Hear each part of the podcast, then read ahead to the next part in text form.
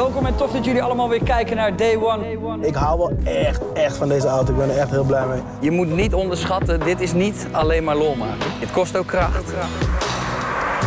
Ik heb hem nog nooit zo hard op zijn staart getrapt, zo op mijn banden. Het was voor mij ook de eerste keer dat ik een- nou, zo'n persoonlijk liedje release. 28 kilo. Zijn we niet veel. Maar we zijn los hoor. En daar zijn we. Ja? Dubbel J in je hand. Oh, dat het is wel echt een lekker hoor. Juist eh, voor de mensen die niet weten wat een dubbel J is. Dat is een, eh, ik ben dol op koffie. En dit is een dubbele espresso. Daar hebben we het al vaker over gehad. Ja. Deze, eh, ja, daar gaat je hart wel, ja. Ja, ja, je hebt een heel fancy apparaat en daar kun je instellen wat je maar wil. En er zit een touchscreen op en je hebt je eigen kopje koffie aangemaakt en die heet Double J. En dat is een, Ja. dat is een fijn, sterk bakkie. Ja, en ik, heb die, ja, ik moet wel iets toegeven. Ik heb hem ook echt gesponsord gekregen. Die, eh, Nou, sterker nog, als je in dit huis sponsor roept, dan valt alles aan elkaar. Dus eh, zeg het niet te hard. nou ja, rustig aan de stoel waar je op zit. Nee, Ongekend. het, is, eh, het, is het is je gegund. het is een beetje triest. Ja. Maar deze, even om daarop terug te komen. dat koffiezetapparaat is van Sage. en die vond ik al heel eh, nice om te zien. Neem alles met een korreltje zout, hè, wat je vanaf nu hoort. Maar ga vooral verder. Ja. Hij is weer wat aan het verkopen. Ja, Nee. ja, ja, ja. Nee, maar ik, dat is wel echt zo. En eh, ik vond het een fantastisch apparaat. En die Double J die kan je dan dus zelf maken en instellen. Oké, prima, we snappen hem.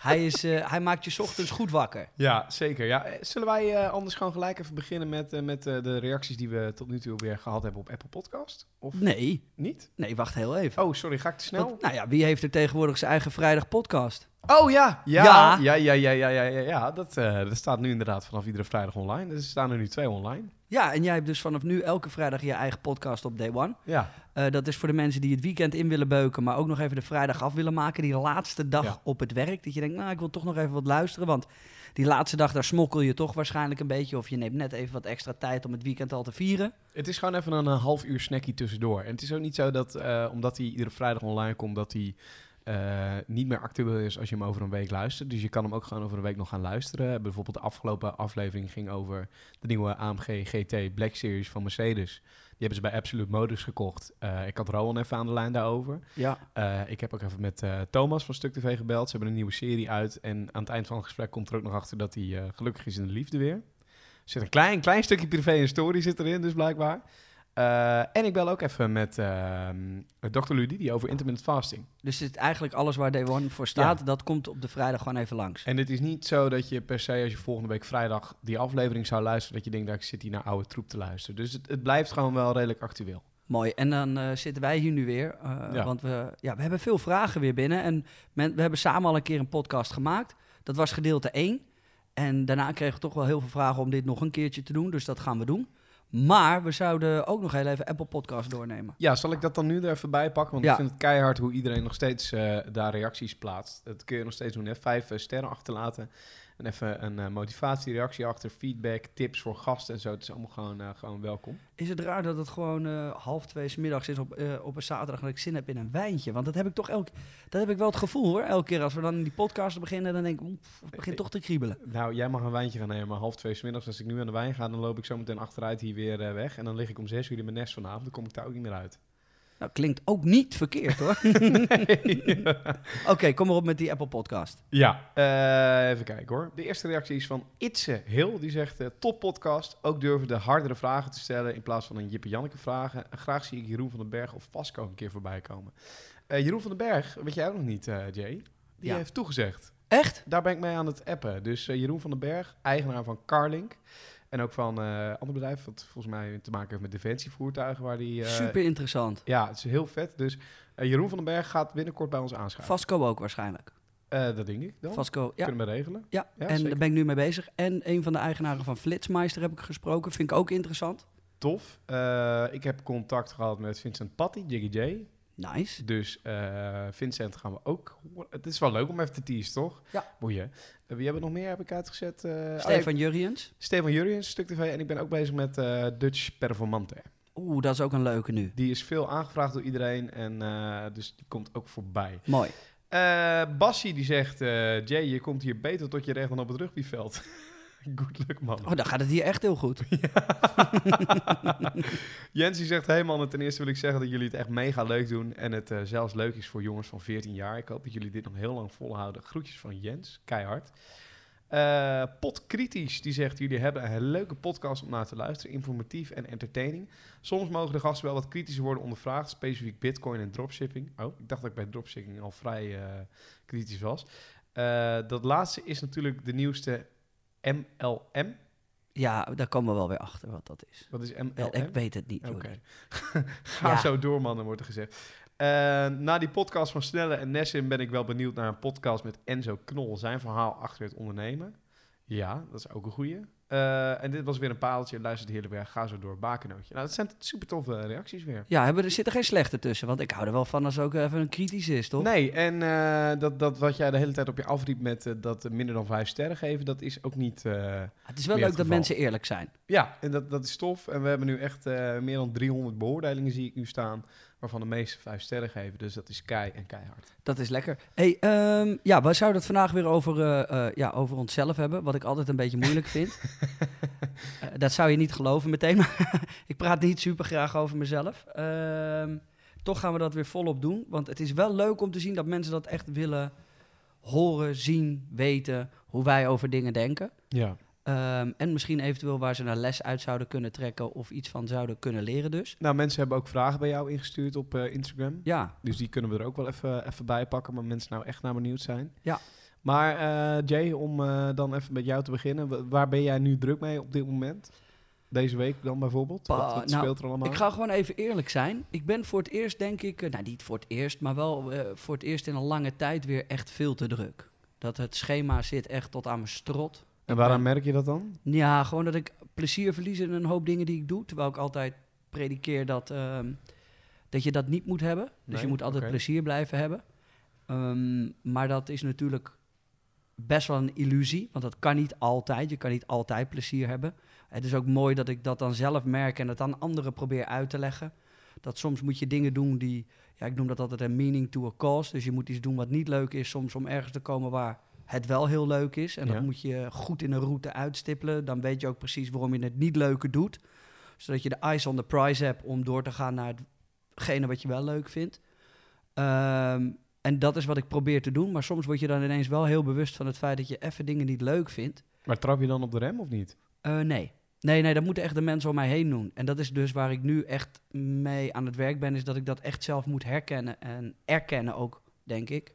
En dat dit het eerste gedeelte is van, ehm, ja, misschien... Kijk, ik geloof dat ik topsport bedrijf in wat ik doe. En eh, als je niet goed slaapt en niet goed voor jezelf zorgt, dan ben je ook niet de beste jij. Nee. En dat is wat steeds meer bij mij het besef komt, is dat als ik niet goed voor mezelf zorg, dan zijn de mensen die met mij werken, krijgen dus ook niet de volle JJ, niet de volle energie. En daar loop ik nu tegenaan en daar ga ik dan weer naar kijken en dan ga ik met mensen praten. En misschien moet ik wel een keer met een psycholoog gaan praten hoor, dat zou ook kunnen. Eh, Heb je, dat, heb je dat ooit gedaan? Mm, nee, niet echt. Wel een paar keer op het punt gestaan, maar dan komt ineens weer, oh ja, ik ben te druk. En, en Carolina, speelt die dan nog een rol in... eh joh, Jay, kom op. Ja, mijn vriendin. Ja, Ja, die, eh, vriendin. eh, die, ja zeker. Ja, die is de eerste die dat zegt. En die heeft het voor haar eh, ook heel goed onder controle.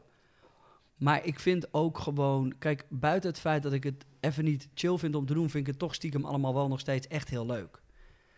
Ben jij bang om rust te hebben? Zit daar dan niet ben Ja, zeker. angst om gewoon niks te doen te Nee, ja, zeker. Dat ben ik 100%. Word je want daar dat merk ik van? Ja, ja, want op een, bijvoorbeeld een, een, een vrije avond... of eh, nu, smiddags... Ja. denk ik, ja, ik heb vanmiddag en vanavond niks te doen. Dan ga ik meteen op zoek. Meteen op zoek naar dingen om te doen. Ah, dat herken ik ook wel. Ja, toch? Ja. En eh, dit ding, ik heb nu mijn mo- mobiele telefoon in mijn hand. Ja, die telefoon. Die zou Maar- je het liefst uit het raam gooien soms, toch? Ja, het liefst gooi ik hem af en toe kapot. Maar aan de andere kant is het ook een soort van mijn savior, want ik ben altijd te bereiken en ik kan altijd werken. Dus het heeft een beetje een donkere en een, een goede kant. Dus je moet ergens ook soms afscheid gaan nemen, denk ik, van die telefoon. Maar dat heb jij denk ik ook, toch? Ja, zeker. En, maar, eh, nee, ja, dat heb ik ook. Ik heb eh, de afgelopen twee weken vakantie gehad, maar ook weer niet. Ja. Eh, ik, ik ben voor de duidelijkheid met mijn vriendin naar Zeeland geweest. En we zijn een paar dagen naar Duitsland geweest. En ik had echt deze twee weken had ik ingepland als vakantie. Eh, dat houdt in dat ik van Q Music dan ook echt twee weken vrij ben. Maar ook weer niet, want ik eh, zat afgelopen zaterdag ook op Texel. En eh, daar hebben we locatieuitzending gemaakt. Daar had ik niet hoeven zijn hoor. Maar ik zag het voorbij komen dat er een uitzending vanaf Texel werd gemaakt. Met Davine Michel hebben langs gehad, Maan, Rob Sanchez, Emma Heesters. Echt super tof. En dan denk je toch, ja, ja, daar wil ik wel bij zijn. Dat, dat, dat, ja, dat moet ik meemaken. Terwijl dat moet je dus eigenlijk niet doen. Nee, maar ja, dat is dan weer het eerste, weet je wel. Wat Ik dan zou weer het ook gedaan hebben, evenement is of zo. En dan, en dan sta ik dan weer op Texel. En dat vind ik dan eh, keihard, vind ik super vet. Eh, maar ik ben tussendoor ook bezig geweest met andere dingen voor Q die er nog dan spelen. Waarmee ik eh, mijn steentje aan bijdraag. omdat ik Maar heb je dan echt vakantie gehad? Want ik hoor echt al heel veel. Nee, nou ja, ik heb wel moment, momenten kunnen pakken. Maar ik heb wel, wat, wat ik nu voor het eerst merk, zeg maar, met deze vakantie, is dat ik ben nu heel druk met dingen om Q Music heen. En voorheen was ik altijd alleen maar bezig met radio maken. En eh, nu doe ik er veel meer dingen bij. En ik heb nu al twee weken eigenlijk van Q vrijgenomen. Maar ik ben in die twee weken wel voor andere dingen ook nog bezig geweest. Zoals? Nou ja, voor de, nou, voor de podcast, weet je wel. d- daar heb ik ook gesprekken gewoon voor opgenomen door de weeks. En, en we appen heen en weer over day one. En, dus ik ben wel continu druk. Ik ben wel steeds aan het bellen, ben er steeds aan het appen. Ben steeds dingen aan het regelen, in mijn hoofd op een rijtje aan het zetten. Ja, dat Dus ik is sta denk ik- niet uit. Dat is wat denk ik mensen ook vergissen, waar ze zich in vergissen, is dat even één appje, daar kan je gewoon je hele eh, middag mee druk zijn in je hoofd. Ja, zeker, 100%. Ja, dus dat, dat, dat herken ik wel. En dat is wel echt het nadeel van die, van die telefoon. En ik hoor dan eh, eh, soms mensen zeggen, ja, het zou echt beter zijn als je eh, wat meer afstand van je telefoon neemt. Niet specifiek tegen mij, maar in het algemeen. Dan zou ik echt bij mezelf denken, ja, ik zou het niet kunnen. Of hem effectiever gebruiken. Of hem effectiever gebruiken. Ja, maar het is ook het, het, het nadeel, zeg maar, dat ehm, ik zie een mailtje binnenkomen. En ik denk dan bij mezelf, ja, maar ik, ik heb vakantie. Jij weet dat ik vakantie heb. En dan ben ik een uurtje aan nadenken en ik denk, nou, nee, ik ga niet reageren.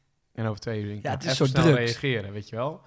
Mensen verwachten gelijk een reactie van je. Dat is echt het nadeel van het klote ding. En dat hebben we zelf gecreëerd, terwijl als je een dag Ja. wacht, boeit het niemand. Dat heb ik, ik heb precies dit ook, wat jij hebt. Precies dit. En Arie Boomsma heeft ook ooit tegen mij gezegd dat ehm, hij heeft een systeem bedacht, en daar moeten we maar een keer zelf over spreken, ehm, waarbij hij eigenlijk op de niet belangrijke dingen reageert hij gewoon niet. Eh, of er komt een auto-reply op met, eh, hey, leuk dat je me denkt, et cetera, et cetera. En hij merkt gewoon dat heel veel problemen lossen zichzelf binnen twee dagen op. Zonder dat hij daarvoor nodig was. God, dan hebben we ineens ook weer een hele goede gast. Dus we moeten Arie Ja. Boons, maar sowieso een fijne vent, maar Ja, en ik, Arie wil ook heel graag, dus daar zijn we ook mee bezig. Maar- topondernemer ook. Ja, absoluut. Ehm, maar hij, hij zei dat. Ik dacht bij mezelf, ja, je hebt ook gewoon gelijk ook. Je kunt je overal druk over maken. Dat is heel makkelijk. Ja, Want er is altijd wel iets om je druk om te en maken. dat had ik deze week ook. Maandag, vanaf maandag ga ik acht weken lang de, de avondshow bij Q doen. En dan moest er voor komende week ook, want ik ga meelopen met de alternatieve Vierdaagse. Eh, De wat? ja, Wat? Gooi je die er gewoon zo even die gooi tussendoor? ik zo tussen neus en lippen door. Nee, het ding is, eh, ze hebben bij mij Q gevraagd. En DPG, dat is het grote bedrijf wat, wat over Q heen zit, zeg maar als overkoepelende vlag. Ja. Eh, ze hebben de, deze, deze, dit jaar hebben ze alternatieve vierdaagse, omdat die vierdaagse natuurlijk niet doorgaat. En nu kun je dus eigenlijk in je eigen regio, in je eigen buurt, in je eigen straat, zou jij 30, 40 of 50 kilometer kunnen lopen. Maar ook 10 en 20. Dus ik ga eh, vanaf dinsdag vier dagen lang 10 kilometer lopen in de omstreek of zo. Wat gewoon wel twee uur per dag eh, ben je daarmee zoet. Zo, dat lijkt me kut. Nou ja, ik heb daar de ene kant denk ik, en de andere Ja. kant denk ik, nou, dat is wel lekker eigenlijk. Ik weet gewoon dat ik vanaf dinsdag twee uur zoet ben met lopen. Eh, ik neem het hondje mee en hoofd leegmaken ook wel, denk ik.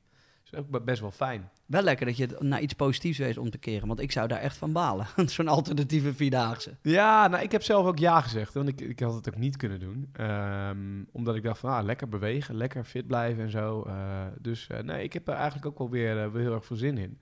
Maar ja, dan, dan, dan komen er dingen ook in je mail, weet je wel. Dat moet dan voor maandag moet dat geregeld worden, voor dinsdag. En er zitten dan andere mensen ook in de CC.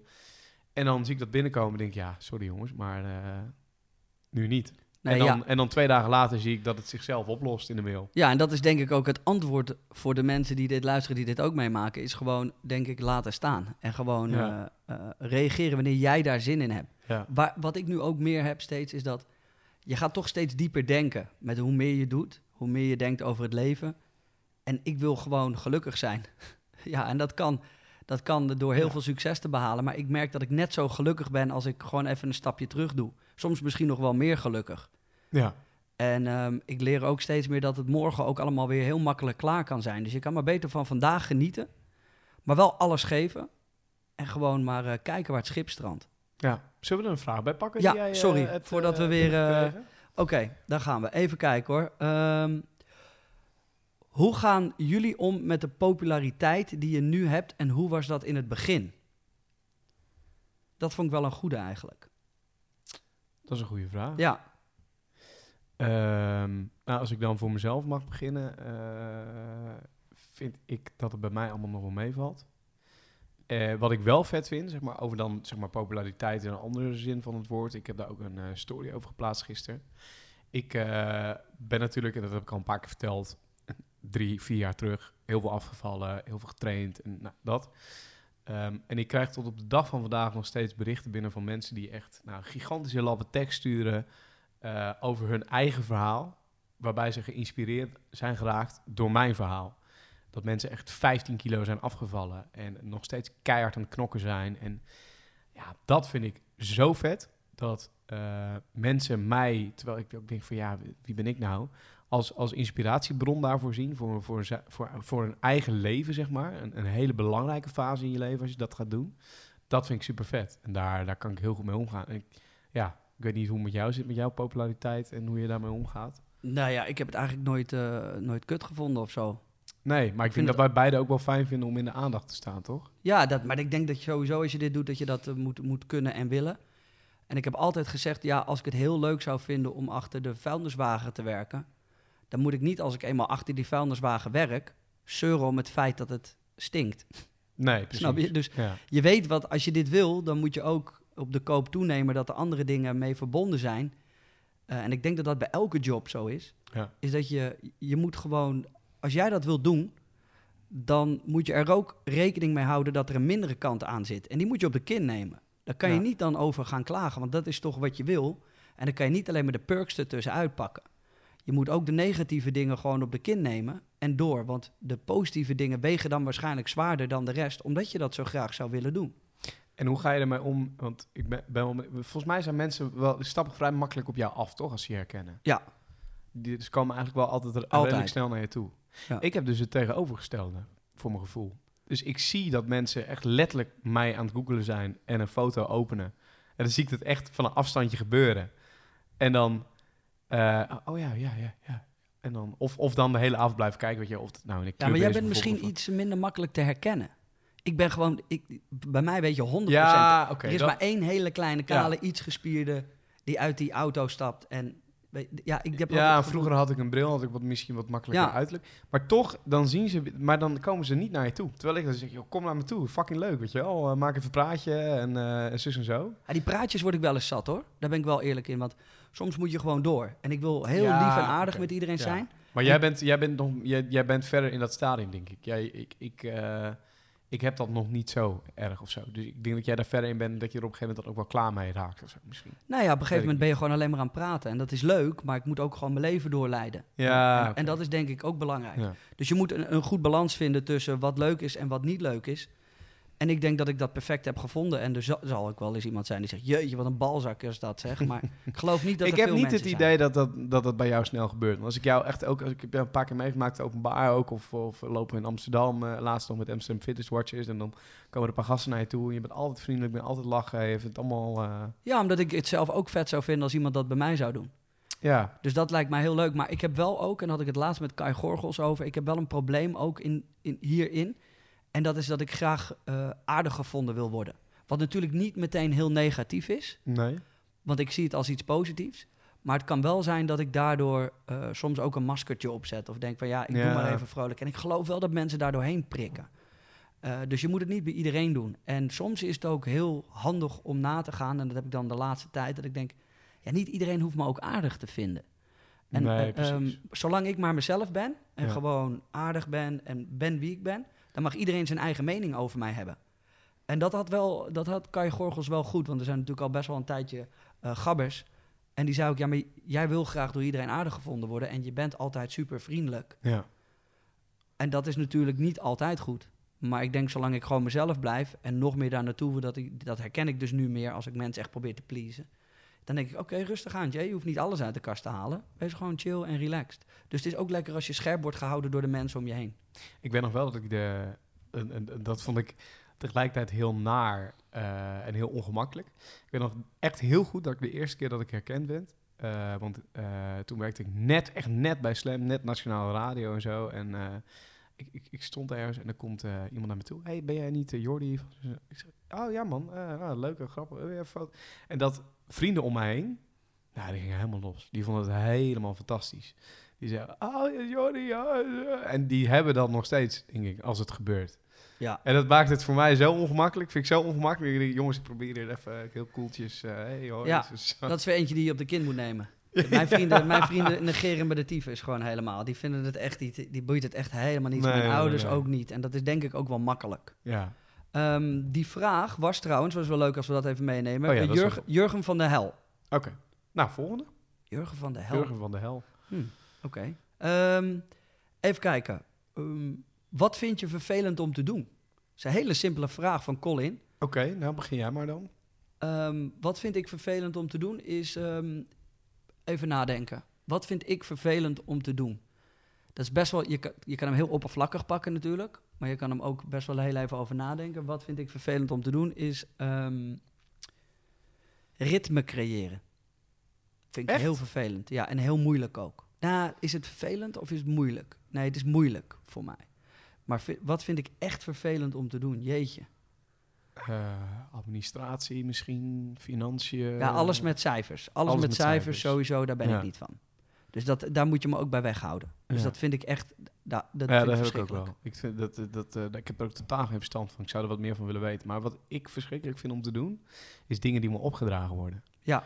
Ik kan eigenlijk eh, stiekem heel slecht tegen het hebben van een baas. En daar ben ik de afgelopen jaren wel achter gekomen. En ik heb echt een hele goede verstandshouding met mijn baas op dit moment bijvoorbeeld.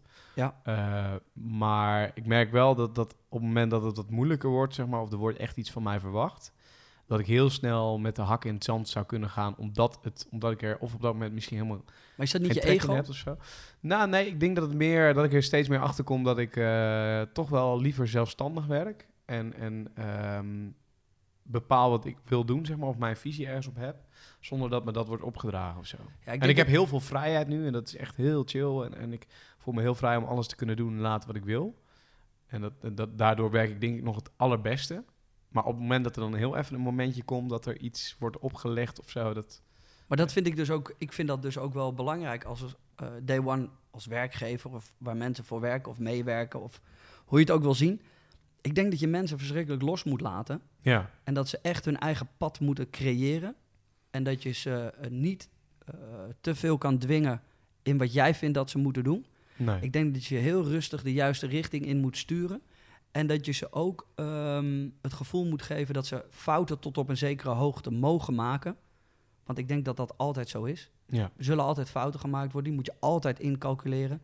Niets gaat meteen 100% goed. Heb ik in ieder geval bijna... Nee, heb ik nog nooit meegemaakt, denk ik. Dus ik denk dat dat van die dingen zijn die je ehm, ook heel belangrijk is als werkgever. Is dat je de, de vrijheid geeft aan de mensen die met je en voor je werken. Maar als je bij Q werkt, zo'n groot bedrijf, dan wordt het natuurlijk al best wel wat, wat moeilijker. Ja, en, en met, voor alle duidelijkheid, ik heb het bij Q echt fantastisch. Ik heb Ja. daar gigantisch veel vrijheid, dus daar heb ik het nu totaal niet. Maar als ik dan naar het verleden kijk, ja, dan kan ik wel een paar momenten ertussen uitgrijpen waarvan ik, had, waarvan ik achteraf denk van, nou Jordi, hè, volgens mij was jij daar heel eventjes op je teentjes gerapt. Dan was je daar heel eventjes eh, met Ja. een hak in het zand aan het gaan, puur omdat iemand zei dat je iets moest doen. Dus, dus daar kan ik wel moeilijk mee omgaan, soms. Duidelijk, ik denk dat een hoop mensen dat hebben ook hoor. Ja, ik denk het ook wel. Je Ja, een beetje, en er zijn ook, vind ik ook mooi om te zien, mensen die gewoon lekker kunnen werken en het prima vinden. ja, ja, ja. ja. ja en dat, daar heb ik heel veel respect voor. Dan gaan we door, ehm, ehm, even kijken, naar deze. Is, eh, wat is de beste manier om te beginnen met ondernemen? Nou, die kan ik denk ik dan, die kan jij denk ik het beste. eh, Ik zal even de vraag aan jou geven, want dan kun jij er nog een paar uitzoeken. Ja. Ehm, dus dan zal ik die, wat is de beste manier om te beginnen met ondernemen? Dat is een redelijk brede vraag, denk ik. Ehm, als je geen centjes hebt, dat is ook hoe ik ben begonnen, dan zijn er legio manieren om nog steeds dingen te kunnen ondernemen. Ehm, social media is daar een mooi voorbeeld van. Eh, ik denk dat je daar al heel snel dingen kan doen en al met een paar volgers al wat centjes zou kunnen verdienen. Maar ik denk dat het belangrijk is dat je iets doet wat er nog niet duidelijk is. Dus het moet een verschil kunnen gaan maken in eh, in, in de maatschappij of in, in, op social media of whatever je wil doen. Eh, om je een voorbeeld te geven, Day One is natuurlijk het makkelijkste voorbeeld. Ik zag dat toen ik begon er eigenlijk niet een mannenkanaal was in Nederland. Ehm Monica Geuze en eh, Beauty Gloss waren het voorbeeld. Want er waren een hoop vrouwen die echt hele mooie content, goede content maakten. Maar ook gewoon eh, over een yogamatje konden praten. En dat vonden dan de meiden interessant. En toen dacht ik bij mezelf, ja, maar Ja. wij mannen willen ook over auto's en over horloges en over reizen en over schoenen en over al het mooie in het leven praten waar wij van houden. Laat ik dat eens gaan doen. Ja, en je weet natuurlijk niet meteen of het gaat werken, maar je weet wel dat het er nog niet is. Je weet dat je het zelf graag zou willen zien. Dus dan is er een kans dat er nog een hoop andere mensen zijn die dat zouden willen zien. En toen ben ik gewoon begonnen. En eh, toen heb ik gewoon al mijn centjes die ik verdiende met het presenteren terug eh, geïnvesteerd in Day One als eh, YouTube-kanaal. En dat is eigenlijk precies ook weer zo met, ja, noem maar wat op de car parfum. Omdat, ja, dat bestaat nog niet op die manier. En daarom zijn we dat gaan doen. En ik denk dat als je eh, een product of iets in de markt zet, en het product kan ook jezelf zijn of je dienst, dan moet je er altijd voor zorgen dat je ready bent om, eh, om ook een paar tegenslagen als eerste eh, te krijgen. Zoals we het net ook al hadden, want het gaat niet meteen altijd goed. En om te beginnen met ondernemen is het uiteindelijk het allerbelangrijkste dat je gewoon begint. Al is het een uurtje per week, gewoon iets doet. Begin met een plan te schrijven. En uiteindelijk denk ik dat het belangrijk ook is, is dat iets in jouw lichaam zegt, een vuurtje van binnen zegt, dit is het. Dit is waar ik in geloof. Dit is wat het voor mij zou kunnen gaan doen. Ik geloof in wat ik hier nu aan het doen ben. Dit is een product of een dienst of iets. Ik geloof daar volledig in. Ik kan daar 100% achter staan. En ik denk dat de wereld dit nodig heeft. En dan moet je het gewoon gaan doen. Maar dat vuurtje, als je dat niet voelt, dan gaat het heel moeilijk worden. Want dan ga je financieel kijken: oké, kan ik hier heel veel geld mee verdienen? Ik geloof dat als je ergens goed in bent, of je nou de beste schoonmaker bent, of de beste presentator, of eh, je maakt een hele mooie app. Als jij zorgt dat dat de beste is en dat je er volledig achter staat, dan gaan mensen altijd ernaar kijken in ieder geval. En dan moet je je Ja. meenemen op een journey. ja, goed antwoord. Ja, kort. nou, daarvoor doen we een podcast, omdat het niet kort hoeft. Eh Lac Clement zegt, eh, kom je makkelijk in de radiowereld? En die combineer ik gelijk even met een andere vraag die ik voorbij zag komen met... het ook weer? Oh ja, hoe ben je ooit op het idee gekomen om, eh, om radio te gaan maken? Kom je makkelijk in de radiowereld? Ja en nee. Eh, ik denk dat het tegenwoordig een stuk makkelijker gaat dan in de periode waarop ik er heel graag eh, bij wilde komen. Ik weet nog dat ik eh, ben ooit van radio gaan houden omdat ik heel veel naar 3FM luisterde en heel veel ook naar Giel Belen. Stond ik echt ochtends mee op en ik zag Gerard Ekdom daar en ik zag Koen en Sander en ik vond het allemaal heel erg fantastisch. Het was één grote familieclub waar ik ook bij wilde horen en ik wilde ook radio maken. En toen ben ik nou, bij een lokale omroep begonnen en dat is denk ik sowieso het advies voor iedereen die toch iets van radio wil gaan doen. Begin bij een lokale omroep. Maar toen wilden heel veel mensen radio gaan Maar maken. even, hoe begin je bij een lokale omroep? Dat is toch niet... Je moet toch iets in elkaar zetten en dat dan toch... Nou, bij heel veel lokale omroepen zijn ze al heel erg blij dat je daar überhaupt eh, aanklopt. Met, eh, joh, ik eh, wil hier vrijwillig vrije tijd gaan besteden. Ik wil hier wat gaan doen. Ja, dus voor iedereen die dit luistert... En ik denk dat wat Jordi nu aan het uitleggen is... is dat dat ook een stukje ondernemen is. En sowieso je passie najagen. Ja, absoluut. Is dat het eigenlijk al begint met in oplossingen denken. En eh, in oplossingen denken bedoel ik... Nou ja, stuur dat mailtje naar die, Ja, zo- naar die omroep. Ja, 100%. Want dat, dat is ook wat ik altijd heb ge, eh, in mijn hoofd heb gehaald. Ik, al, je, nee heb je, ja kun je krijgen. En onder dat motto heb ik zoveel e-mailtjes naar mensen gestuurd. Ik heb ook mailtjes gestuurd naar eh, mensen bij 3FM met... Ja, en schaam je daar ook niet voor, hè? Om die mailtjes nee, te sturen. Nee, zeker niet. En daar heb ik ook demo's in gestopt van wat ik deed. En, en daar, de daar zei, volhouder wint. ik zei ook in die mails van, joh, ik, ik verwacht niet dat ik nu morgen daar bij jullie kom te werken. Maar eh, als jullie me feedback zouden willen geven, dan zou ik dat heel erg tof vinden. En dat heeft me heel ver gebracht. Door gewoon bij de lokale omroep te beginnen, daar vlieguren te maken, daar knijten veel te leren. Nou, tegenwoordig eh, koop een podcast set of koop een microfoon en een eh, recorder. En je kan je eigen podcast beginnen. En, en Ja, daarmee, maar dan zeggen mensen, ja, maar die podcast set, die, die is toch verschrikkelijk duur? nou, dat hoeft niet. Wij hebben hier een podcast set die is wat duurder dan een gemiddelde set misschien. Eh, eh, maar je, je kan gewoon een microfoon kopen, USB-mic tegenwoordig. Die sluit je aan op je laptop en let's go. Ja, mocht je de centjes niet hebben, dan zijn er een paar dingen. Eentje is, je neemt een weekendjob en je gaat extra hard werken totdat je die set hebt gekocht. Ja. Want als jij het graag wil, dan heb jij dat ervoor over. Ja. Dan werk je je ballen eraf in een job die je echt absoluut niet leuk vindt. Ofwel, dan heb je mazzel. Maar dat is weer die meaning to a cause. Dus dat is weer dat je denkt bij jezelf, oh, ik vind het niet leuk. Ik vind het niet leuk om de hele tijd eh, eh, schoon te maken in het weekend op een zaterdag en op een zondag. Dat wil niemand. Snap ik.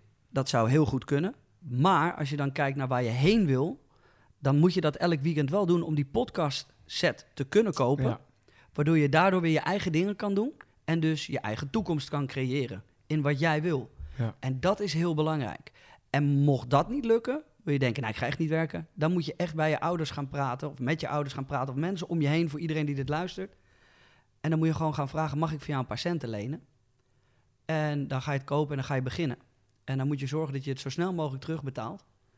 Op de manier waarop dat kan. Ja. En er zijn altijd wegen om dingen te doen. Want ik krijg heel veel vragen van... ja, maar ik kan dit niet en ik kan dat niet. Jongens, werk de fucking ballen uit je broek... om iets van elkaar te kunnen krijgen. En dat begint met iets heel simpels. Alleen je visie moet goed zijn. Je visie moet zijn... ik wil radio-dj worden. Nou, dat begint dan misschien bij schoonmaken elke zaterdag en zondag... en eindigt over tien jaar bij 538 of bij Q-Music als DJ. En laat ik dan ook even gelijk een oproep doen aan iedereen. Want wat, wat we nu heel erg in de radiowereld zien, is dat ehm, iedereen wil tegenwoordig YouTuber worden. Iedereen wil tegenwoordig bekend zijn op YouTube en daar je ding doen. En dat is vet hoor, dat begrijp ik niet verkeerd. Begin je eigen YouTube-kanaal. Maar als jij gedreven bent om te presenteren, vind je muziek fantastisch en vind je gewoon radio ook leuk, dan is dit je moment om eh, jezelf te ontwikkelen en jezelf aan te bieden bij een radiostation of bij whatever, bij een lokale omroep of regionale omroep. Want eh, ja, we komen echt mensen tekort, heel veel. Eh, en er zijn, er, zijn niet zo heel veel talenten meer die in de rij staan om, nou, om een plekje van, weet ik veel, Ruud de Wild over tien jaar in te nemen, bij wijze van. Hè? Eh, dus, dus, dus dat eigenlijk. En eh, dus dat antwoord kort kom je makkelijk in de radiowereld. Als jij heel veel passie hebt voor wat je doet en jij echt radio fantastisch vindt om te doen, dan, dan wil ik niet zeggen makkelijk, want geen enkele weg is makkelijk. Maar eh, dan kom je heel ver. Het is mooi, jouw eigen goede vraag al begint met hoe kom ik makkelijk... Ja, dan moet, in je de het dan, moet je het dan niet gaan doen. Sorry, grap, dan moet je misschien even overslaan. Nee, zeker niet. Nee. Want- Niets gaat makkelijk. Echt niet. Ik ben elke week nog met van alles bezig en fantastisch leuke ideeën. En elk filmpje dat we weer maken, alles wat we doen, het is nooit, maar dan Nee. ook nooit makkelijk. nee, mensen willen die quick fix, maar dat ga je niet, eh, daar, ga- daar kom je En nergens mee. iedereen die jou vertelt dat het makkelijk is, daar moet je eigenlijk niet meer mee- omgaan. Want dat is gewoon echt niet zo. Degene die zeggen dat het makkelijk is, die doen het waarschijnlijk al honderd jaar zelf. En die vinden het nu makkelijk na al die jaren hard werken. Maar dat klopt gewoon echt niet. Het is rammen, beuken, gas geven en alles ervoor over hebben. En als je dat niet wil, ja, dan moet je het gewoon niet doen. Volgende, joh. Ehm, er komt heel veel voorbij. Wat is jullie absolute droomauto? Dus dat is wel misschien wel even een leuke korte tussendoor. Jouw droomauto? Ja, ik, ik ben die jongen die altijd realistisch denkt. Dus dat is voor nu een... eh, Nee, ja, oké. Ja, nee, zeg ja, maar. nou, voor nu een Porsche Macan dan, denk ik. Oké, en als je niet realistisch denkt? Als ik niet realistisch denk, dan eh, denk ik een Koenigsegg Gemera. Oh. Ja. Ah, ik, ik begin gewoon bij het niet realistische. Ehm, een Lamborghini Urus. ja, Keihard, jongen. Ik, ik, ik zit wel, ik zit er wel heel erg... Ik, je zit mij eraan te denken om hem te kopen. Nee, nee, nee, nee. nee. Zit eraan te denken om hem te ja. Nee, eh, ik, voor mijn gevoel is de perfecte SUV er nog niet voor mij. Ik, laat ik zo zeggen, een, een droomauto voor mij is al snel een SUV. En een Lamborghini Urus vind ik nu de vetste die er is. Maar ik zou graag nog een eh, Lamborghini Urus willen die eh, nog iets meer uit de klauwen gewassen is. Die nog iets groter is. Want nu... Iets, meer, met, iets meer pk's onder eh, de kap ook. Nou, dat, ja, nou, ja, dat mag. Maar hij is nu, het is nu een beetje een coupé SUV, als je begrijpt wat ik bedoel. ja. Snap je? Dus hij mag wel wat, wat vetter. En je hebt die eh, Hij is al groot, hè? Ja, je had vroeger die Lamborghini eh 202, of wat is het? Hoe, hoe heet die ook alweer? Dat is de allereerste SUV die ze ooit uitgebracht hebben. Ik zoek het gelijk even op. Ehm, weet je welke ik bedoel? Dat is die hele vierkante, vierkante bak, toch? Van Lambo... Lambo Ja, dat is een hele oude. Dat is de... Nou, er zitten nu luisteraars te luisteren die denken... Jongens, jongens, jongens, dat is die en die en die. Nee. Even kijken. is toch de, de, de Urus is toch de eerste SUV Nee, van de? LM, eh, nee, de LM002. Laat zien, alsjeblieft. Dat is deze. Kijk. Hebben die nog nooit gezien? Nee, die, die heb ik echt nog nooit Ja, gezien. de- maar de jij bent echt nog wel tien keer meer carfreak dan ik. Nou ja, de Lamborghini LM002. Het schijnt dat Lamborghini heeft gezegd, omdat zij heel veel vragen krijgen van klanten, eh, of er ooit nog een keer een LM002 komt, of dat de LM002 nog te koop is. Nou, daar moeten ze nee op antwoorden, want er zijn er echt maar heel weinig van gemaakt. En moet ze zo houden, denk ik, als Dat ik hem even zo zie. Absoluut. ja, het is wel een lelijke wagen. Het is echt heel lelijk. Het is geen mooie Lamborghini, laat Nee. dat, maar, maar ik vind het wel vet. Het, is, het was hun eerste eh, SUV die ze gemaakt hebben. Ehm, er zijn 301 eh, exemplaren van. Maar het schijnt dat ze bezig zijn om een nieuwe te maken. Het zou wel leuk zijn, alleen dan wel iets meer... eh, En hij, dat, hij is voor die tijd misschien wel heel vet, maar... ja, voor die tijd wel. Maar dan, dan, ja, dan zou ik het wel hebben. Voor nu is het echt de Lamborghini Urus met, met gewoon een vette kit. En welke kleur dan? Eh, ik heb laatst eentje in het rood gezien voorbij komen. Volgens mij van Urban. Urban, Urban Automotives. Die hebben een, eh, een eh, eentje laatst gemaakt. Dat vind ik wel keihard. Maar ik vind die witte van Enzo vind ik ook heel chic. Gruwelijk, hè? Echt heel het is chic. ook leuk als ik dan... Ik was bij, bij waar hij zijn auto laat rappen. En dan was ik even met hem in gesprek. En als hij Ja. dan in zijn auto gaat zitten en zo, dan is hij ook echt trots op dat ding. Ja, man. En je ziet ook zijn stuur is van Alcantara, maar hij heeft er zoveel mee gedaan dat zijn, zijn stuur is al lang niet meer perfect. En nee, ja, nu inmiddels dat- heeft hij weer een nieuwe erop zitten ook, geloof ik. Ja, maar je voelt gewoon dat hij leeft in die auto en dat vind ik mooi. Hij maakt knijter veel kilometers mee. En dan vind ik het ook wel vet dat eh, als je dan Joel Beukers hebt, die ramt dat ding door de bossen heen, eh, over de tulpenvelden heen. En die, die gebruikt hem ook echt. Ja, dat kan ik ook waarderen. Ik ook. Dit vind ik juist het allermooiste. Toch? Als Zo, je- als zo je- hoort het toch? Als je het geld hebt om zo'n auto te kopen, dan moet je hem ook gewoon gebruiken. Precies. Eh, hoe ontspant Jay tussen het werken door of in het weekend? Poh. Ja, dat is dus een beetje... Zegt. Kimberly trouwens. We moeten even de namen erbij, dat is wel leuk. Ehm, ja, Kimberly, eh, ontspannen. Dat is eh, redelijk moeilijk, vind ik. Dat is ook iets wat ik echt moet gaan leren en waar ik echt mee bezig ben. Ik zorg wel dat ik een ritme opbouw. Ehm, ik kan bijvoorbeeld, eh, ik heb tegenwoordig een, een bubbelbad thuis. Ehm, en daar ga ik gewoon in liggen. Leg ik mijn telefoon weg. En dan ga ik lezen. Daar kan ik echt van ontspannen. Oké. Een lekker muziekje op. Vaak eh, lo-fi hip-hop, lekker relaxed. 's Ochtends kan ik echt ontspannen van even een ochtendritueel. Dus dan neem ik eh, eigenlijk al mijn vitamines, mijn supplementen. Eh, dan douche ik, koud douchen, zodat ik meteen wakker ben en de eerste uitdaging van de dag heb gehad.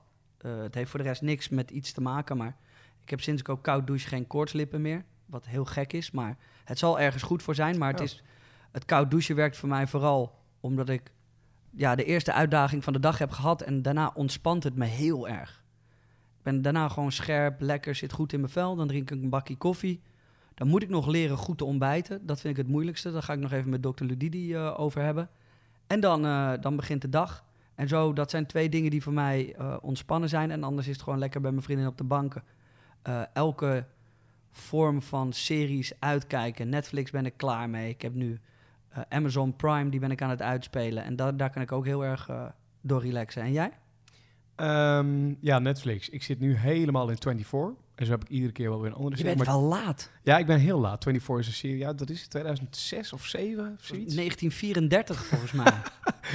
Het is fantastisch, want het is echt gewoon het is een serie. Het gaat over 24 uur, ieder seizoen weer. 24 afleveringen. Er staan 9 seizoenen op Netflix. Ja, jij kan tot, als je, tot je 35ste blijven kijken. Nou, en weet je wat ook voor mij een hele eh, lekkere manier is van ontspannen? Klinkt misschien heel gek, maar die eh, sportscholen zijn natuurlijk nu weer open. heb ik heel lang gemist. Ik ga dan naar de sportschool en ik heb een privégymmetje eh ergens in de buurt. Dan ga ik 65 minuten lang fietsen op zo'n home trainer. Dan leg ik telefoon voor me neer. Nou, dan nu net, eh, 24 op Netflix. En dan 65 minuten lang fietsen. Heb ik iets van 700, 800 calorieën verbrand. Ik kom echt gewoon druipend nat van het zweet. Kom ik van het apparaat af. En ik heb me toch een potje ontspannen. Dat vind ik heerlijk. Dat is Ja. mijn manier van ontspannen. Ja, ik kan dus eh, met sporten niet ontspannen. Dat ontspant mij totaal nee, niet. maar... Daarna ehm, wel. Ja, oké, maar ik, kijk, het sporten met, met trainen en, en met gewichten en zo... Dat, dat wil ik ook niet per se als ontspannen. Vind ik wel lekker om te doen. Maar op die fiets zitten, heerlijk. Ja, Ja, dat is wel mooi. lekker. Eh, dan vind ik ook wel een tof vraag van Jules Manders. Eh, baller 433, nou, et cetera. Die zegt vijf voorspellingen voor 2021. Shit. Dat is een hele goede. Ja, Jules is een van de eigenaren dus van Baller 433 One Halves. Samen met Demi de Zeeuw. Eh, die hebben we ook in een aflevering eh, gehad, de mannen. Ehm, even kijken. Voor 2021. Vijf voorspelling. Ik hoop dat in 2021 dat Day One doorgroeit naar wat het nu is. Nog completer, groter, met meerdere presentatoren. Ik hoop dat we ons event dan gehad hebben. En misschien wel een tweede event, Day One World of Cars. Want Ja. dat ging door het dak. Ik hoop dat we door kunnen pakken met het podcasten. Dat we misschien ooit een keer een centje kunnen gaan verdienen met het podcasten via Spotify. Ja. Dat het wat professioneler zou kunnen worden. Ik denk dat Instagram ehm, nog groter en beter gaat worden. En TikTok gaat eh, proberen te verslaan. Dus laten we zeggen Facebook. Ja, doen Ik- ze het nu ook al met het Instagram Reels en zo, Ja. wat nu gelanceerd is. Die gaan nu doorpakken, denk ik. En ehm, ik denk dat daar weer een verdienmodel bij komt. Ehm, even kijken. En dan eh, hebben we er nog eentje, toch? Ja, Nou ja, en ik denk dat, even maar in de, om in Jules zijn eh, categorie te blijven. Een voorspelling die ik denk is dat eh, de 4-3-3's van deze wereld gaan ehm, eh, het winnen van sommige grote bedrijven. Als het gaat om eh, het uitzenden van sport. ja. ja, dat zag je nu al. Hè. Daar hebben ze Ja. mee ge- geëxperimenteerd op Facebook, 4 met een, een voetbalwedstrijd ook. Ja, en ik, da- ik vond dat echt, echt heel tof. En er is nog zoveel meer wat ik wil zeggen, maar dit zijn even vijf simpele voorspellingen waarvan ik denk, oh ja, dat zou leuk zijn als het uit zou komen. Ja. Dan ben ik al heel tevreden. En dan eh Day One uitwerken uit, eh, werken als echt groot brand, doorpakken. Eh, er zijn nu al mensen die zeggen, ja, kunnen we het overkopen, kunnen we investeren? Nou, daar wil ik nog niet echt over nadenken, maar wie weet ooit. En voor de rest gewoon gezond blijven en de familie ook. Goeie. Dus dat. Zal ik en een duit in het zakje doen? Graag. Ehm, Nou, ook vijf, hè? Vijf, hè? Ja, oké. Ik denk dat we volgend jaar een klap gaan krijgen. Is wat min- minder positief misschien, maar in het algemeen onze crisis, of eh, onze economie. Daar proeven we nu af en toe al eh, de vruchten van op een negatieve manier, denk ik. En eh, ik denk dat dat volgend jaar wel een pittig jaar gaat worden qua financiële crisis. Wat denk jij daarvan? Ik denk dat er wel een klap komt.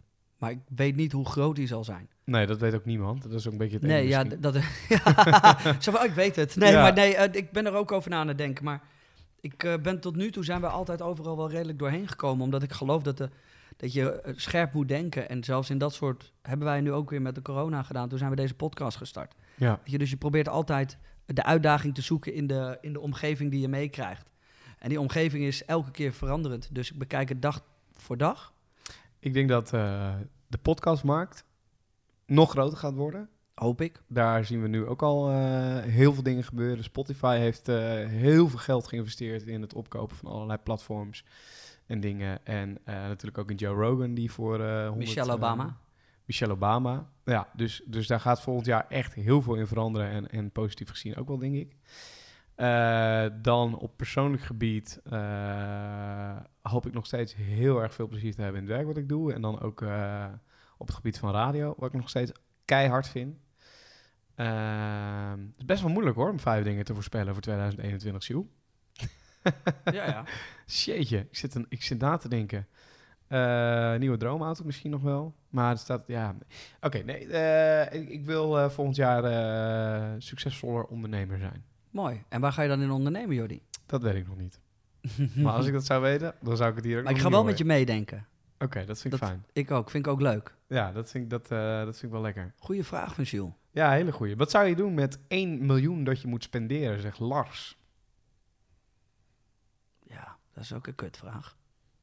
Hoezo? Nou ja, omdat ik dat... eh, ik vind dit... Ik, ja, waar- wat zou ik met 1 miljoen doen? Ja, ik zou een huis kopen. Nou, klaar. Of ik zou... Ligt Maar je hebt, eh, je hebt Nee, de ja, wat- huizen. Ja, ja maar wat ik, wat ik vind is als, die, als er 1 miljoen zo makkelijk komt en die krijg ik gewoon in mijn zak. En die krijg ik gewoon zo. Ja? Dan eh, ga ik het aan allemaal dingen spenderen om andere mensen nog gelukkiger eh, te maken. Want dan, Maar is dat echt wat je zou gaan doen met 1 miljoen? ja man, Is ik denk het wel. Niet, nee, ik, ik vind namelijk het geld verdienen heel leuk. En ik ben er zeker niet vies van. Maar het moet wel door hard werk zijn en door echt de wereld Als jij morgen 1 miljoen krijgt, dan ga je het niet investeren in Day One. Er gaat wel een gedeelte, maar ik denk dat een groot gedeelte gaat naar een beetje om me heen kijken en mensen helpen. Denk, ik weet het niet, man. Ik, dit is niet iets wat. eh, klinkt natuurlijk heel erg eh, moreel verantwoord. eh, maar dat is wel zo. Ik vind het leuk om zelf iets op te bouwen en daar succes uit te krijgen. Ik heb wel meerdere keren op een makkelijkere manier geld verdiend en dat voelde toch niet zo goed. En toen ben ik er ook gewoon dingen voor gaan doen. eh, heb ik ook dingen mee gedaan voor, voor mezelf natuurlijk ook, maar ook voor anderen. Ja. Jij dan? Ehm, Drie nou, kopen. Drie hoeren kopen. en dan heb je het alweer op. Ja. Sterker nog, ik denk dat je niet eens haalt. Jawel, toch? Eh, nee, Drie, drie ton per hoer. Zes, nou ja, oké. Ja. Ja. je haalt het er wel. zijn Ja. 340 of zo. Ja, 340. Ja. Ja, oké, dat haal je wel. Eh, nee, huis kopen. Eh, en eh, toch wel even slim investeren slash beleggen. Of in ieder geval advies eh inwinnen. bij Ga je dan iemand. Madelon Vos bellen? Even kijken of die bitcoin nog een beetje, of het goud of zilver. Ja. ja, ik zou denk ik wel een portefeuille aan gaan maken. En in die portefeuille wel slim met een, nou, een bedragje of zo omgaan. En, maar ik, ik heb er wel eens aan gedacht, stel je zou morgen zoveel geld krijgen, dan zou ik daar echt wel advies over willen hebben. En Ja, dat moet, nooit- ik denk dat je als met dat soort bedragen moet je sowieso altijd met andere mensen gaan praten in ja. eh, hoe je redelijk risicoloos toch eh, je centjes kan omzetten naar wat meer. Ja.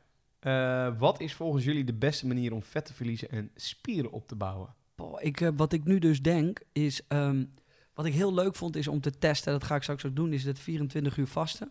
24 uur, oké. Ja, van Dr. Ludidi. Dan, Dat- blijkt, dan blijkt het vet nog harder weg te gaan. Dat doe je dan één keer per week, toch? Ja, zoiets volgens mij. Ik moet me er nog even iets meer in verdiepen voordat ik hier dingen ga roepen. Ja. Maar de vraag was, wat doe je om gespierder te worden en Vet, eh, te, eh, ja, vet te verliezen en spieren op te bouwen. eh, verschrikkelijk goed op je eten te, eh, te letten? Dus echt weten wat je eet, calorieën bijhouden. Ja. Daar heb je hele mooie apps voor. Ja, dit was, dit was bij mij ook een vraagstuk toen ik eh, ehm, ging droogtrainen voor de Mensheld fotoshoot. Ehm, maar ja, doe heel veel research, hou je calorieën bij.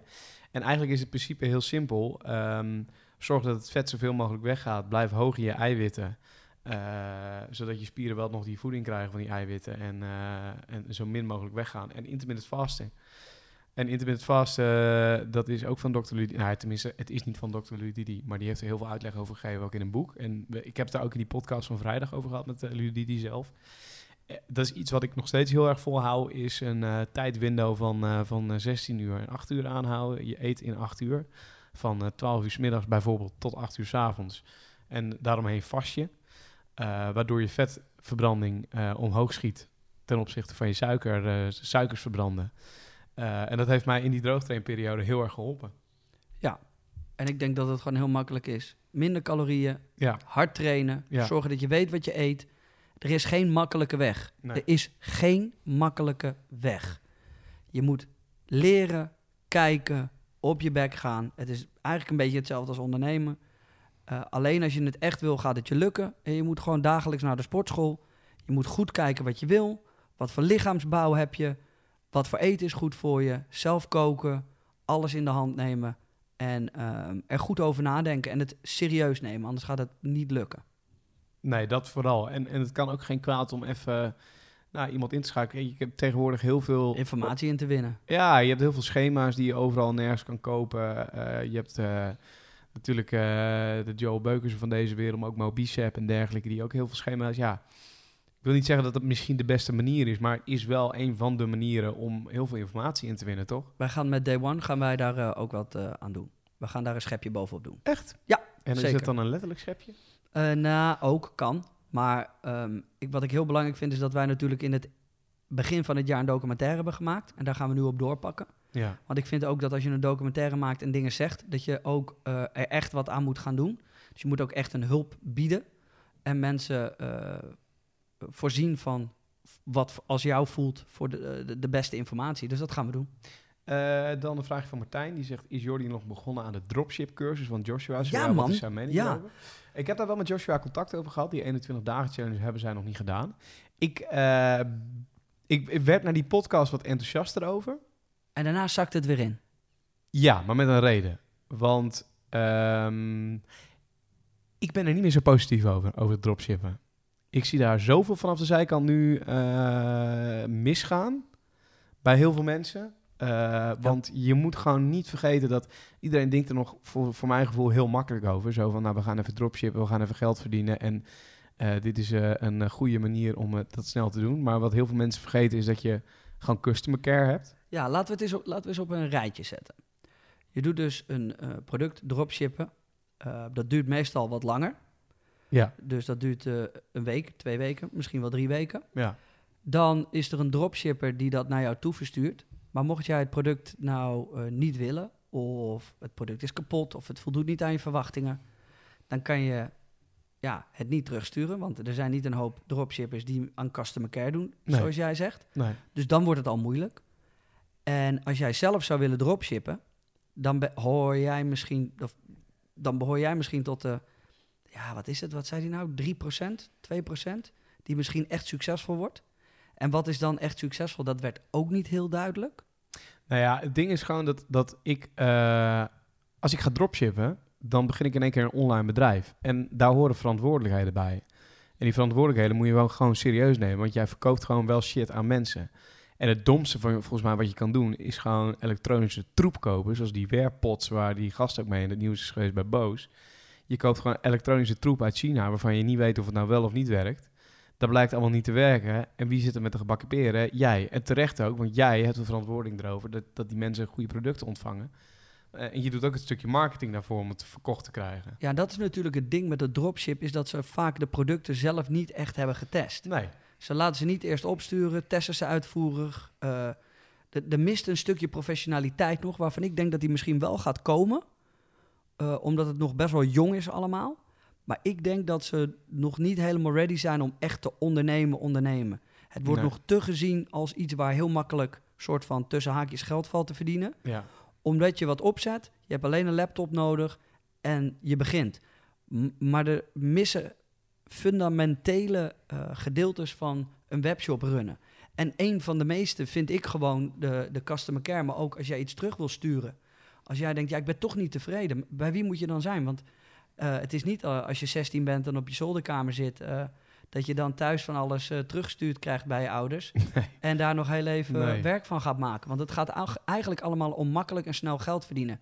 En dat kan wel, alleen dat is meestal iets wat niet zomaar gaat. Nee, en, en ik heb ook zoiets nu gehad dat mocht ik een webshop willen beginnen, want dat is dus letterlijk wat je dan natuurlijk doet, dan wil ik dat met een product doen waarvan ik zelf overtuigd ben dat het vet is, dat ik daar 100% achter sta en dat dat mijn ding is. En dat het niet een, eh, weet ik veel wat, een eh vliegenmapper is van eh 80 cent die ik in China besteld heb in een oplage van 6000, die mensen bij mij voor 3 euro kopen. Dan Ja. denk ik, ja, wat, wat moet ik hier nou mee? En dan vind ik het wat jij doet met de car parfum veel, veel vetter en veel toffer om te doen. Maar ik denk ook dat dat het idee is wat wij doen. Is wij proberen uiteindelijk gewoon zelf producten in de markt te zetten die, Ja.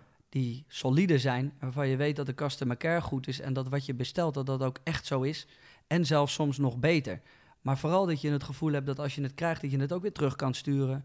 Dat als je er niet blij mee bent, dat je dat ook kan zeggen. Dat je een mailtje kan sturen en dat de mensen je beantwoorden. Er gaat gewoon veel meer tijd en energie in zitten dan eh, de, de, ja, de, de gemiddelde dropshipper denkt. ja. Ehm, dan een andere leuke vraag. Danieltje die zegt: Wat is het mooiste moment in je carrière? Wauw. Nou, begin bij jou.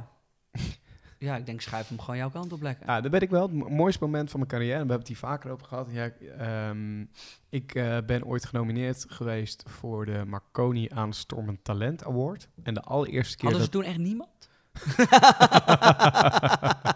Zo makkelijk. Dit is echt zo makkelijk, sorry.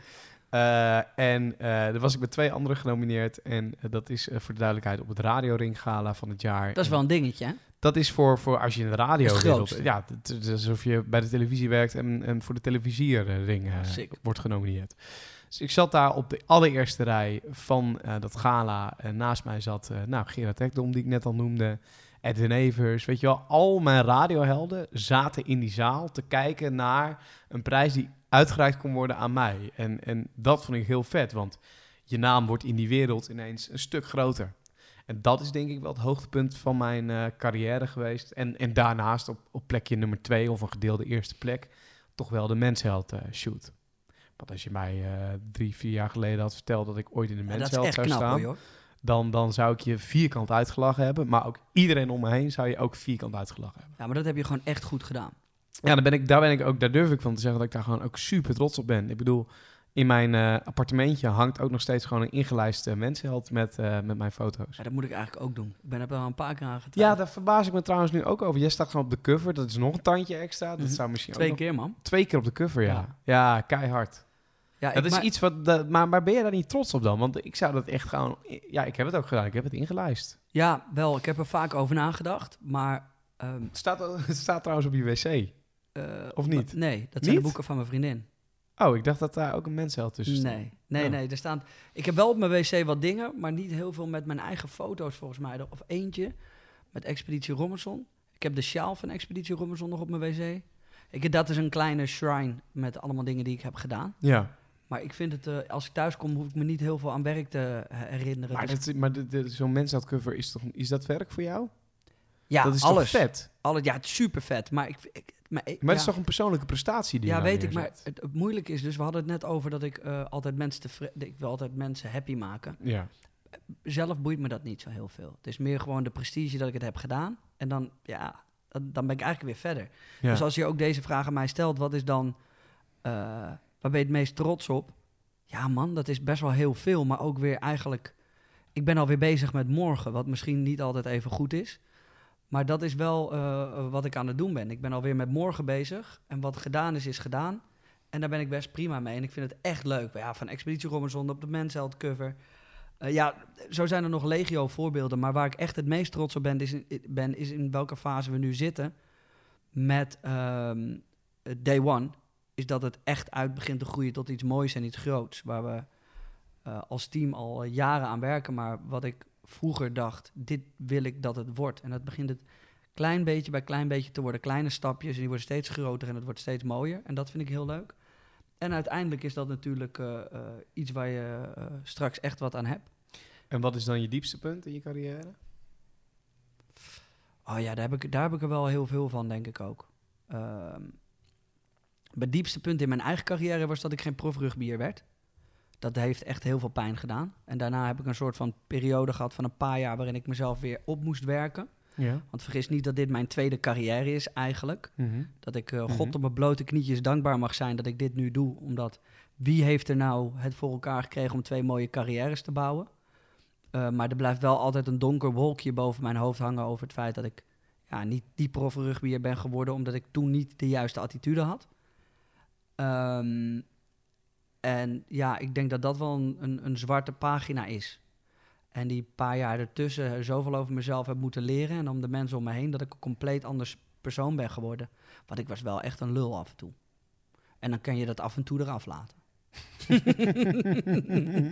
nee, ja, ik, ik had gewoon, nee, ja, ik vond mezelf super interessant. Ja. Eh, en en ehm, daar heb ik nu ook een beetje een aversie tegen gekregen. Dus ik denk dat we dan weer heel even terug, terugkomen op waarom die mensen hier niet hangen.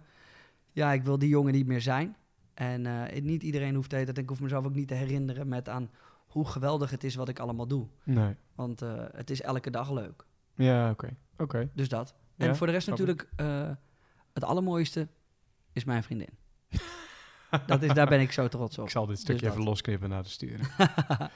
Ehm, en dan mijn diepste punt is... eh, Ja, heb jij al een diepte? Want dat is wat ik nou, waar zat ik net aan te denken. Want je bent natuurlijk nog best wel jong in je carrière. Ik ben nog zeker jong in mijn carrière. Ik ben ook zeker nog niet waar ik wil staan per se. Ik voel me ook nog aan het, aan het pure begin van mijn carrière. Eh, ook al ben ik al sinds mijn vijftiende uh, bezig en nu 25. Ehm, nou, ik, ik, ik zat bij Slam 4,5 jaar. En eh, het laatste jaar bij Slam, of het ander, laatste anderhalf jaar bij Slam, waren voor mij wel een dieptepunt. Omdat ehm, ik daar uiteindelijk zelf niet heb aangegeven dat ik niet lekker in mijn vel zat. En uh, niet vroeg genoeg aan de bel heb getrokken dat ik wat ik op dat moment daar aan het doen was, uh, dat dat niet bij mij paste.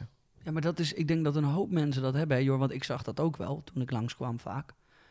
Uh, ik denk dat een hoop mensen dat ook in hun eigen carrière hebben, is dat je, je bent ook bang soms om dingen te zeggen, omdat het, dat, dat is jouw carrière. En wat nou als je het zegt en je moet afscheid nemen en er is niks anders? Nou ja, precies dat. En, en die, die angst heeft er altijd voor gezorgd dat ik heel lang iets ben blijven doen waar ik niet gelukkig van werd.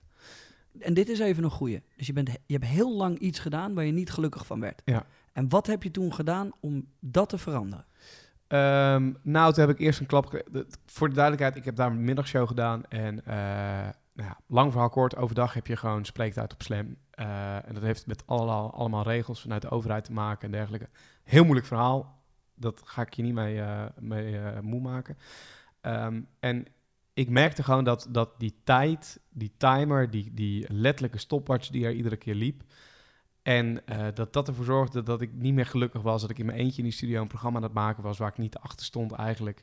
Maar wel iedere dag ook creatief wilde. Dus ik wilde iedere dag een topprogramma maken. Ik wilde iedere dag ook leuk zijn daarin.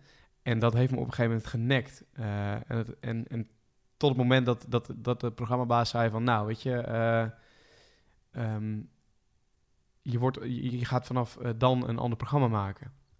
En toen dacht ik, godver, eh fuck, weet je wel. Dan ga ik, er was een programma met nog minder spreektijd. Dan ga ik iets doen wat ik eigenlijk helemaal verschrikkelijk vind. En toen werd ik zo erg met de eh, neus op de feiten gedrukt, zo van... Wat, wat hier nu gebeurt, dat klopt niet. Weet je wel, ik sta hier niet achter en ik vind het echt... eh, dit, dit is een situatie waar ik uit wil. Toen ben ik om me heen gaan kijken. En ja, maar toen, ben je ik- wel nog lang doorgegaan. ja, maar wel als een soort van vaste basis houden. Nou, Ja. niet, niet heel lang overigens hoor. Maar toen ik erachter kwam dat, dat, dat ik niet lekker in mijn vel zat en niet blij was met wat ik deed, toen ben ik gaan ingrijpen en eh, ben ik ervoor gaan zorgen dat er iets anders op mijn pad kwam. En wat heb je toen gedaan? Maar ik bedoel, je Nou, bent toen dus ben ik je- bij Q gaan werken. Ja, maar waar is het moment dat je echt dacht, fuck it, ik moet hier weg? Toen ik dus op de, met de neus op de feiten werd gedrukt en een ander programma ging gaan doen. En dat het dus eigenlijk, nou, het werd niet zo gezegd, werd absoluut niet gezegd dat het niet goed genoeg was. Maar ik wist zelf gewoon wat ik nu aan het doen ben, is niet goed genoeg. Heb je Dat- toen ook gevraagd van, maar waarom? Waarom de fuck?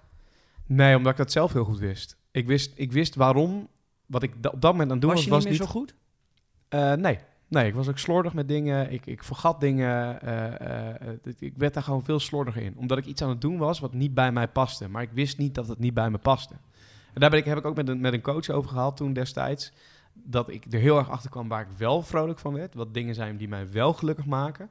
En dat ik er heel erg achter kwam dat de dingen die mij gelukkig maken, die echt Jordi zijn, die deed ik op dat moment niet. En doordat ik daardoor steeds slechter in mijn vel kwam te zitten, werd ik daar ook rommeliger in mijn werk, werd ik ook er niet goed in. Eh, en en eh, dus was ook terecht dat ik op een gegeven moment dat programma eigenlijk een soort van kwijtraakte. Want ik deed het gewoon niet goed genoeg. Ehm, en eh, toen dat gebeurde, toen dacht ik echt, oké, nu ga ik iets doen wat ik nog, nog erger ga vinden. Waar ik echt niet blij van word. Dus nu moet ik er zelf een punt achter zetten. En eh, om me heen gaan kijken naar een plek waar ik het wel kan. Nou, dat was eigenlijk overlevingsinstinct. Dat was gewoon, dat ging automatisch. Dat Je- was er gewoon... zijn een hoop mensen die dan nog door blijven gaan, hè? Ja, ja, zeker. En eh, die ken ik om me heen ook. Echt genoeg. Mensen die, eh, die daarin dan door blijven gaan. Maar bij mij was het een overlevingsinstinct dat ik dacht van... Oké, ik was nu al niet blij, maar, zeg maar ik ga nu iets doen wat, wat nog minder bij mij past. Ik moet nu bij mezelf de rem trappen en eh, een andere Wat- uitdaging wat zag je waar ik wel de ruimte krijg. Wat zag je anders gebeuren als je wel door had gegaan op die manier? Ja, weer ongelukkig zijn met het werk wat je doet. Nou ja, dat, klinkt niet zo heftig, toch? Want er zijn een hoop mensen die ongelukkig zijn eh, in hun werk. Ja, maar ik zou knettergek worden. Ik, ik zag mezelf knettergek worden. Ja, ik probeer hier voor de mensen die zitten te luisteren, dat is, dat is belangrijk. Want er zijn een hoop mensen die luisteren die nu denken, fuck, ik ben ook niet gelukkig in mijn werk. Dus wat zou je zeggen? Wat, voor die mensen die nu luisteren, die elke ochtend in die auto, op de fiets, in die tram, in die trein stappen en Ja. denken, fuck, Nou, ik, ik- ga weer naar mijn werk toe, ik heb hier zo geen fucking zin in. Kijk, ik ben er wel voor dat, dat je niet je oude schoenen weggooit voordat je nieuwe hebt. Eh, ik weet niet hoe jij daar verder over denkt, moet je zo maar zeggen. Maar ik, ik had wel zoiets, oké, weet je, ik doe dit nu. Ehm, en ik ga dit nog wel op de beste manier mogelijk doen. Want ik sta er wel achter dat, dat wat ik doe, moet wel goed zijn. Ehm, en ik heb mezelf verslond die, die tijd. En eh, daar gaan we nu, we gaan nu wel gewoon, het, we gaan het wel gewoon goed doen. Maar tegelijkertijd ga ik ook kijken naar een, een plek of een baan of iets wat ik kan gaan doen. Waarin ik wel weet dat ik daar weer de ruimte krijg. En, en eh, eh, waarbij ik wel weer weet van oké, dat is nieuwe energie. En daar kan ik wel gewoon weer gaan vlammen. Ja. Dat ben ik toen gaan doen. Zoals jij, weet ik veel, tandartsassistenten bent en je bent ongelukkig in je werk. Op Ja. Rotterdam, dan moet je meteen kappen. Nou ja, je moet niet. Ja, maar- ja, je moet gewoon op zoek gaan naar iets waar je dan wel gelukkig van wordt. Maar daar moet je wel gelijk mee beginnen. Het is niet zo dat je van vandaag op morgen ontslag moet gaan nemen en er volledig mee moet gaan kappen. Maar je moet wel ergens je brood van betalen natuurlijk. Ja, maar je moet ook bereid zijn om je levensstijl aan te passen. Ja, zeker. Ja, 100%. Want, dat heb ik ook altijd gedaan. Ik heb altijd geleefd alsof ik bij de Albert Heijn fulltime aan het eh eh, vakken vullen was. Qua salaris. Dus ik ben nooit boven, eh, totdat ik een beetje succes had, ben ik nooit in iets gaan wonen, iets gaan rijden, iets gaan kopen. Waardoor ik in gevaar zou komen financieel. Nee. Waardoor ik gedwongen word om iets te blijven doen, omdat ik financieel ergens aan vastzit, om iets te blijven doen waar ik niet gelukkig van werd. Dus ik heb er altijd voor gezorgd dat ik met 12, 1300 euro rond zou kunnen komen. Zelfs het appartement waar we nu in zitten, kan ik nog betalen op het moment dat mijn job weg is en ik straks voor een minimumloon ergens moet gaan betalen. Dan kan het Ja. nog steeds. Dat betekent dat ik mezelf heel veel vrijheid geef. Dat betekent dat ik op verkenning kan om dingen te doen. Dat ik kan blijven doen waar ik zelf zin in heb. En dat als ik morgen brandweerman wil worden en niks meer op televisie, op internet wil doen, kan dat ook. Ja. En die vrijheid, dat is goud. Alleen je moet wel echt voor jezelf gaan bepalen. Oké, woon ik te duur? Prima. Kost mijn hond te veel? Ah, misschien moet ik daar een afscheid van nemen. Kost die auto die ik nu rij, is dat nodig? Hm, denk het niet. Dat net iets dure sportschoolabonnement. Ah, elke avond uit eten.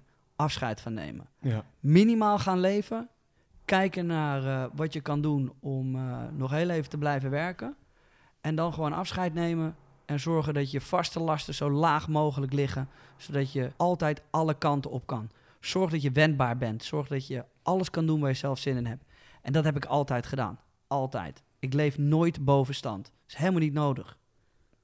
En dat betekent dat ik heel gelukkig kan zijn in wat ik doe. En rustig kan bouwen met dingen. Dus ook de centjes die ik verdien, die kan ik ook terugstoppen in de bedrijven. Omdat ik weet waarop ik kan leven. En ik ben bereid dat te doen. Ja. En ik, ik ben bereid om niet in die eh GLE te rijden. Ik ben bereid om eh, niet nog eh, in een veel groter huis te wonen de aankomende jaren. Omdat ik weet dat ik moet investeren.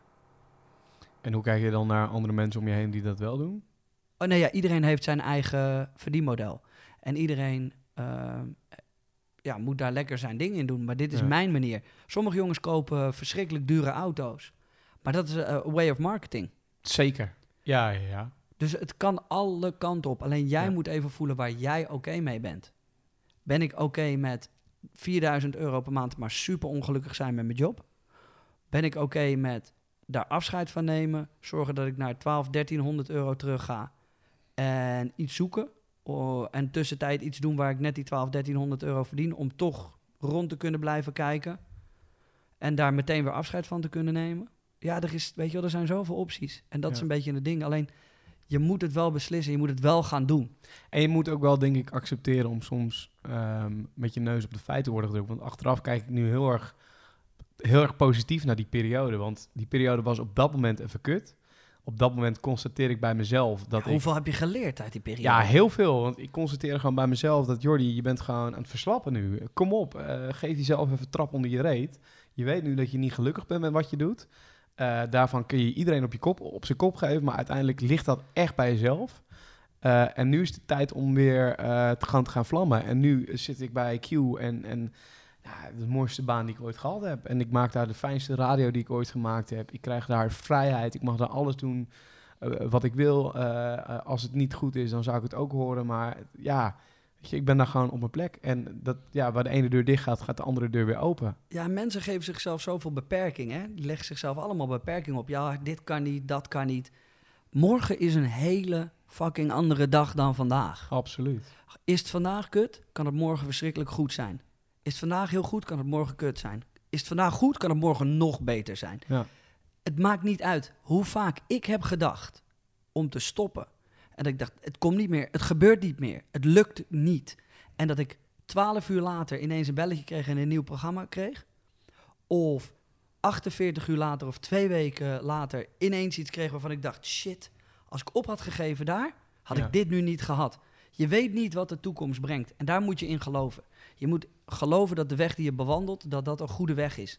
En ja, dat het een bos is, waar je af en toe linksaf moet en het pad niet altijd helemaal uitgevonden is. Dat is logisch, want het is jouw pad.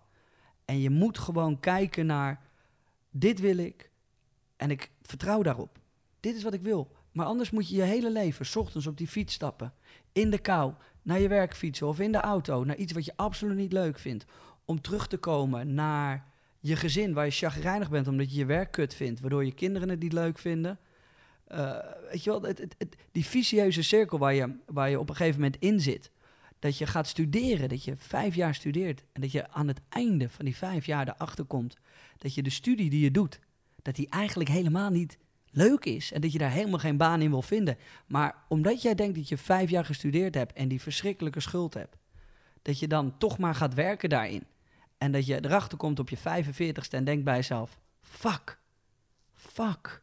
Ja. Ik had daar toch een andere beslissing moeten nemen. Als jij eh, Celine Dion wil worden, niet letterlijk haar, maar dat, die status, dan moet je dat achterna gaan. Maar ook als jij brandweerman wil worden en je hebt per ongeluk een opleiding tot eh, sociale vaardigheden gedaan of economische of rechten, dan moet je gewoon afscheid nemen van die vier jaar studie en gewoon toch achter die, eh, die brandweerman eh Wacht aangaan. even trouwens, hoezo, hoezo begin jij ineens over Celine Dion worden? Heb jij, eh, wat is het met Celine Dion ineens? Ja, dat ik, ik, dit wordt in één keer tussen neus en lippen door eh, als ambitie. ik vind het gewoon dat de, het is, als jij iets wil worden, dan moet je dat gewoon gaan doen. Ja, ja, 100%. Het boeit geen en, fok. en zie ook deze wereld als een vrije wereld waarin dat tegenwoordig kan. Want waar ik ook niet in geloof is dat, dat opa's en oma's die al honderd jaar getrouwd zijn met elkaar... eh, dat de ene kant is dat heel mooi, maar aan de andere kant is dat ook... eh, ja, accepteren dat je het misschien helemaal geen leuke huwelijk vindt of zo misschien. Toch? Ik denk dat, er een, een, dat we een hoop accepteren waar we helemaal niet blij van worden. Nee, en ik denk dat we in een wereld leven waarin steeds meer mensen daar ook wel achter komen die die stap wel durven te maken. Precies, kijk eens om je heen. Kijk eens om je heen. Je ziet dat iemand gelukkig is. Je ziet dat iemand het goed voor elkaar heeft. Waarom zou jij dat niet kunnen zijn? Ja. Als jij ongelukkig bent en de buurman naast je is wel gelukkig, zoals jij dat ziet, dan kun jij dat ook zijn. Ben jij een denker? Piekeraar misschien? Ja, altijd wel. Ik denk altijd over alles na. Ik eh, weet wel wat ik aan het doen ben. En soms Ja, oké, maar dan, gaan. dan, dan, heeft dat nu, dan, dan gaat het nu over wat je, wat je gaat doen. Maar ben je continu aan het, aan het denken? Ook over, over van alles en nog wat, wat niet per se met, met Day One of de, de weg vooruit te maken heeft. Ik kan heel erg piekeren. Ik kan heel erg Ah, daar heb ik, alles. nee, daar heb ik geen last van. Nee? Nee, Oké. nee dat heb ik eh, op tijd losgelaten. En ik denk dat dat ook sport is. Dat is gewoon een beslissing nemen, erachter gaan staan en het doen. Want je hebt maar een paar seconden om een beslissing te nemen. Doorhakken, go. Ja, ja. Omdat ik heb een hoop dingen niet gedaan. En uiteindelijk dacht ik, shit, dat had ik toch moeten doen. En de enige manier om te winnen is om het gewoon te doen. Dat is de enige manier. De enige manier om succes te creëren is om iets gewoon te doen. Als je het niet doet, dan gaat het 100% niet, dan gaat het gewoon nooit lukken, want het is er daar niet. Dus je moet wel. ja. Duidelijk. Ik eh hoorde iemand boren op de achtergrond. Ja, Maar ze hadden ik- wel even een briefje in, het, eh, in de bus mogen doen. Nou, ik heb ooit een verhaal gehoord over jouw vriendin die hier ruzie heeft gehad met de buurman die aan het eh slijptollen was. Terwijl wou- zijn podcast aan het opnemen was. Die geboord werd. Ik denk, hè? Die, die geboren. ik heb gehoord dat die buurman niet meer leeft inmiddels. Nee, dat is een grapje. Maar ehm, weinig. ik denk dat het ook wel een mooi, mooi moment is om, om dit fijne gesprek weer af te ronden. Ja, het is veel motivatie. ja, heel veel. En ik kijk ineens op rechts en ik denk, zo zijn we al zo lang aan het Echt? praten. Hoe lang zijn we aan het praten? Al meer dan een uur, joh. Nee. Ja, echt waar? Nou, leuk dat ik toch nog even Celine Dion erin heb weten te fietsen. Ja, dat toch? was de afspraak. Ik Dus zou nog een keertje Celine Dion erin fietsen. Dus weet je, wil jij ooit Celine Dion worden? Eh, Jay heeft, eh, heeft alle tips. Ik heb een e-book voor je geschreven. nou ja, fantastisch. Ehm, thanks voor dit toffe gesprek weer. En Ja. dan eh, ja, is het volgende week uh, vrij, of nee, ja, vrijdag staat er gewoon weer een nieuwe podcast van mij online. Lekker. En zondag hebben we weer een leuke gast. Ja, absoluut. Wie hebben we dan? Kunnen we dat al zeggen? Nee, dat gaan we nog niet zeggen. Ah, Mensen nee, moeten gewoon maar even checken. Ja, oké. Dus volgende week zondag weer een eh, nieuwe podcast. Vrijdag ook weer. Dus lekker Ja. blijven luisteren. Gewoon even abonneren op Spotify. Even op volgen drukken. En op Apple Podcasts ook even vijf sterren en een reactie achterlaten. Ja, het zou leuk zijn, want hoe meer reacties we krijgen op Apple Podcast, hoe leuker. Dank jullie wel voor het luisteren. Dit was de Day One podcast met Jordi en eh, JJ. We wensen jullie een hele fijne ochtend, middag of avond. En wat wil je nog zeggen? Ja, codewoord. Codewoord. Als we ja. deze weer vergeten, dan krijgen we weer eh, haat. Rivella. Rivella is het codewoord. Rivella is het codewoord. Nou, als jullie dit vol hebben gehouden, vind ik het knap. Buitengewoon absurd. Je merkt, ik geen reet aan in deze aflevering. Heerlijk. Tabé. Tabé.